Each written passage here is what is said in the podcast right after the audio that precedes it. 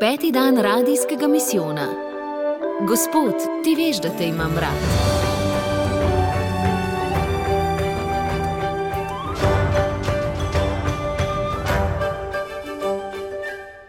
Lepo pozdravljeni. Mali nagovor današnjega misijonskega četrtka je pripravil frančiškan pater Bogdan Rus. Spoznajmo ga. Pojdite med ljudi na obrobje, nas vedno znova poziva papež Frančišek in te njegove besede si močno jemlje k srcu tudi frančiškan pater Bogdan Rus. V 15 letih redovniškega poklica je služboval v šestih frančiškanskih svetiščih in tako odblizu spoznaval stiske in vero na različnih koncih Slovenije. V zadnjih mesecih se srečuje z ljudmi kot prostovoljec na COVID točkah poliklinike v Ljubljani in bolnišnice v Šempetru, ter ob njih razmišlja, kakšno upanje bi jim lahko ponudila crkva. V času epidemije pred postnim časom je bil precej aktiven na družbenem omrežju Facebook, vsak dan je spodbujal z mislijo iz Božje besede in molitvijo. Pater Bogdan je prepričan, da je čas preizkušnje tudi čas za dobra dela in živo vero. Vabim vas, da v nadaljevanju prisluhnemo njegovemu nagovoru, ki je naslonjen na Petrove besede. Gospod, ti vse veš, ti veš, da te imam rad. Zdi se mi, kakor da teh besed nočemo razumeti in kakor da bi se izogibali soočanju z njimi. Naj mi bo dovoljeno brati te vrstice evangelija najprej s človeškimi ušesi, čisto preprosto, kakor da bi se to dogajalo meni, danes. Ko mi kdo reče, ti veš nekaj, kar bi moral vedeti sam potem imam občutek, da se izmika odgovoru, je sam nezrel glede tega, kar govori, ali pa sam sebi ne verjame. In ob tem človeškem branju se zdrznem in vprašam: Verjamem temu, kar govorim, verjamem temu, kar molim, verjamem temu, kar verujem. Beseda me nagovori lahko samo tako, da jo sprejmem res kot besedo. Ne kot zvenenje glasov, ampak v njeni polni vsebini. Smo v postnem času, prav mogoče je, da se naš post odbija spet po načinu, kako izstradati svoje telo, ter svoj duh preobložiti z novimi duhovnimi domislicami, ob katerih se bomo morda počutili uspešni. Pa res verjamemo v to? Jaz ne. Čistost Božje besede je eden od bistvenih namenov postnega časa. Morda je crkva to hotela izraziti tudi v bogoslužju, beseda namreč v postnem času postane spet živa in zaželjena, konkretna in učinkovita, svoj vrh pa doživi v velikonočni vigiliji. In takrat smo lačni besede, lačni božje besede, in zato beremo pri velikonočni vigiliji kar osem beril, kaj ti beseda postane naš življenjski kredo. To je moj duhovni DNK, genski zapis, ob katerem želim ponovno doživeti veliko bogatstvo dneva gospodovega ustajenja. V tem bomo uspešni, če bomo pustili Božji besedi, da zaživi v nas v vsej svoji preprostosti in čistini. In kako doživeti Božjo besedo, kako preseči poslušanje besed in preiti k vsebini, tako da spet vzljubimo tišino, ki je dvojčica besede. Včasih smo v trenutkih vožnje z avtomobilom, sprehoda, sedenja v čakalnici ali mirovanja v karanteni zmogli tišino ali molili. Ta del našega življenja so zauzeli najrazličnejši brnilci in prikazovalci, telefoni in radijski programi brez vsebine. In kako naj bo postni čas tudi čas tišine? Kako naj ubežim temu, da ne bi besede, ti veš, da te imam rad, zvenele zlagano in prazno. Apostol Peter v tem poustajenskem srečanju z Jezusom ni blefiral, ni hotel z besednimi triki sebe izvleči iz zanke pogovora z Jezusom iz oči v oči. Peter je dojel, kdo je in kakšno je njegovo mesto, da je majhen, da je ubog, da je samo človek. Kako je to spoznal? Uberimo zelo preprost način. Če v svetem pismu česa ne razumemo, si namreč lahko pomagamo tako, da preberemo, kaj se dogaja nekaj vrstic pred in po dogodku, o katerem beremo, in gotovo bomo našli vsaj kakšen namik. In nekaj vrstic, točno 14 prej, je zapisano: Odšli so, stopili v čovn, toda tisto noč niso nič ujeli. Spominjam se 90-letne gospe iz Dalmacije, ko smo jo z družino obiskovali, me je kot fantička, ki je rad lovil ribe, tako lepo gledala in rekla: Uri, bara, mokre gače, za večeru ne znaš tače. Kar pomeni, ko ribič na lovu ne ujame ničesar, je za večerjo zelo lačen. In res, ribičeva lakota je zares težka, njegov kruh je trd in strah pred tem, da ne bi nič ujel, je prisoten vse čas. Ribič se utrujen, resnično utrujen, s porezanimi rokami vrne z lova in njegova uteha je vsaj to, da nosi ribe za večerjo družini. Peter je Jezusa srečal potem, ko je doživel opisano ponižanje ničelnega lova. In njegovo ponižanje je bilo veliko. Za večerjo bo jedel trdi ječmenov kruh, ki ga je kaj ostalo, in ko se bo vračal z lova, se mu bodo znanci smejali in govorili: Glej ga, toliko časa je zapravil s tistim sanjačem, da je še to pozabil, kako se lovi ribe. In v to razočaranje stopi Jezus, in Peter se na besedo brata v veri apostola Janeza Jezusu navdušen približa.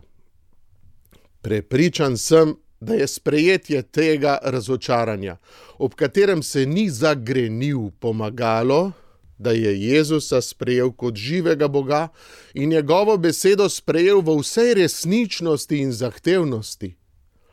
Ni mu bilo več težko, da je pred Jezusom majhen in zmotljiv. Od Petra se lahko učimo. Meni se zdi, da moja crkva vsako leto ujame manj Nisem pa do sedaj opazil, da bi se bili pripravljeni iz tega pičlega ulova kaj naučiti. In tudi ne sprejemam, da je ta skoraj ničelni ulov božja volja. Dokler bo šlo, bo šlo, slišimo, in ne kaže, da bi bili pripravljeni kaj spremeniti v načinu svojega delovanja. Bojim se ribičev, ki dobijo denar za to, da ne lovijo rib. Bojim se birmanskih slovesnosti, ki se jih veselimo, ker bomo enkrat za vselej opravili z veroukom in veroukari. Bojim se cerkve, kjer ne moreš kupiti osnovnega orodja, brevirja in mažne knjige. Bojim se posnega časa, ki se konča s prerekanjem, kdo bo nesel bandero na velikonočni procesiji. In bojim se ljudi, skupnosti v preizkušnjah, ki se ničesar ne bojijo in si lažejo, da tako pač mora biti. Mar ni že čas, da stopimo s Petrom zadnjič v čovn, ujeli tako ali tako ne bomo nič, potem pa se opasamo in Jezusu pogledamo v obraz.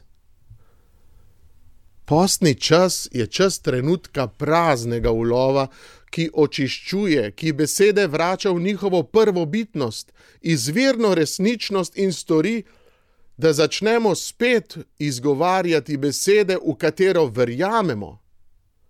Zato potrebujemo veliko poguma.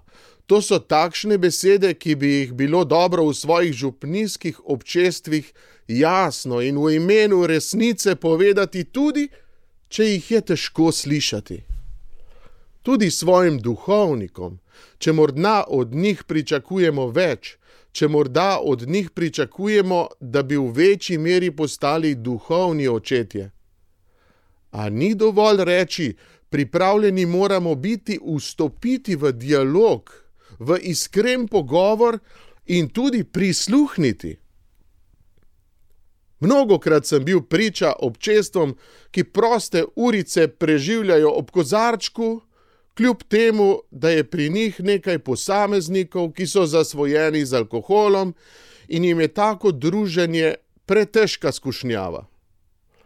V takih okoliščinah tudi rečemo: Ne bom tvegal in se zameril.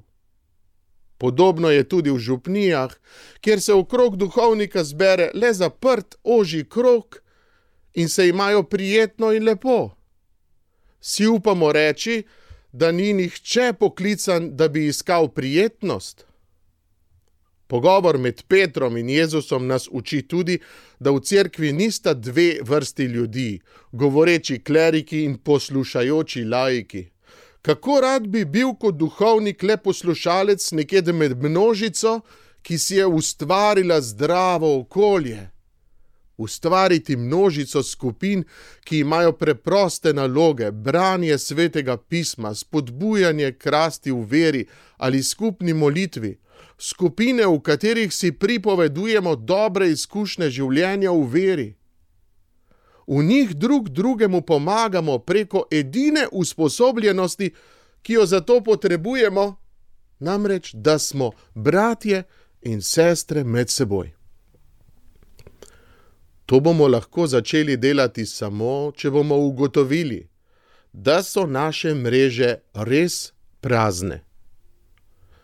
In to bodo koraki, ko bomo spet začeli verjeti svojim besedam, saj ne bomo pričakovali ulova, ki temeli na naših sposobnostih, ampak je sad Jezusove besede. Ne bojmo se preizkušen, ne bojmo se praznih mrež, vse to naj spodbudi v nas ljubezen do Jezusa, tudi križanega in trpečega. Ne bojmo se ljudi, ki so v naših skupnostih preizkušeni in trpijo, ki so padli ali ga kako drugače polomili.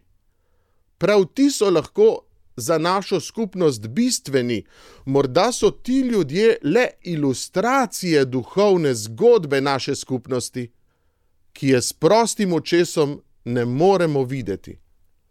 Ne postavljajmo jim meril, živimo z njimi v ljubezni in če smo skupaj na Jezusovi poti, je to mogoče. Če bomo hodili po Jezusovi poti, bo na koncu poti vedno, ne glede na to, kako uspešni ali neuspešni smo, usklik: Jezus, ti vse veš, ti veš, da te imam rad. Kakšna moč je v besedah imam rad. V njih je stvariteljska moč. Bog nam daje milost čutiti ljubezen zato, da bi vedeli, kako se lahko naše celotno bitje zgane z enim samim razlogom imeti rad, biti cel za drugega in za Boga. Bog nam daje tudi milost ljubezni do bližnjega zato, da bi začutili resničnost. Izreči rad te imam ni kar tako je zaveza, je nekaj neizbrisnega, je odločitev, ki te zaznamuje za vse večne čase. V svetem pismu je beseda ljubezen veliko krat uporabljena, pa ne zato, ker bi jo Bog po svetih pisateljih zlahka uporabljal, ampak zato, ker je ljubezen osrednja tema Božjega uznanila. Ljudje smo pripravljeni ljubezen zamenjati in zanikati iz najrazličnejših razlogov, največkrat pa, ker se bojimo, da nas bo ljubezen spremenila. Toda ljubezen vedno spremeni človeka, posebej, če smo ljubljeni iz vsega srca. Ne moremo ljubiti in biti ljubljeni in ostati isti. To je nemogoče. Bog nas ljubi in mi mu postajamo še bolj podobni, mi pa ljubimo Boga, da bi se nam vse bolj odkrivala njegova podoba. Ljubezen ima prednost celo pred Božjim, ne dajaj mu čemorkoli prednosti pred resnično ljubeznijo. Pomembna uresničitev tega božjega ljubečega klica se dogaja te dni. celska škofija dobiva novega škofa, Maksimilijana, ki je sprejel pastirsko službo Jezusa Kristusa. V mislih imam vse poslušalce radia Ognišče, te besede pa posvečam tudi njemu. Gospod, prosimo te za škofa Maksimilijana, da bi si upal ostati tak, kot je, da bi razumel, da se mu zaradi škofovske službe ni potrebno spremeniti, saj ga je Bog izbral, da bi svojo preprostostjo obogatil crkv. Vernikom, ki mu bomo prisluhnili, daj čuteče srce, da bomo opazili njegovo osebno skromnost in jo razumeli kot Kristusovo uboštvo, da bomo spoznali njegovo osebno pravičnost in vedeli, da je nastopil čas božjega delovanja, da bomo občudovali njegovo ljubezen do božje besede in vedeli, da je nastopil čas resnice. To nam daj, da te bomo v občestvu cerkve, ki ga škof predstavlja, slavili kot skupnost vernih. Amen. Tako je v današnjem četrtku misijonskega tedna mali nagovor z molitvijo sklenil frančiškan pater Bogdan Rus.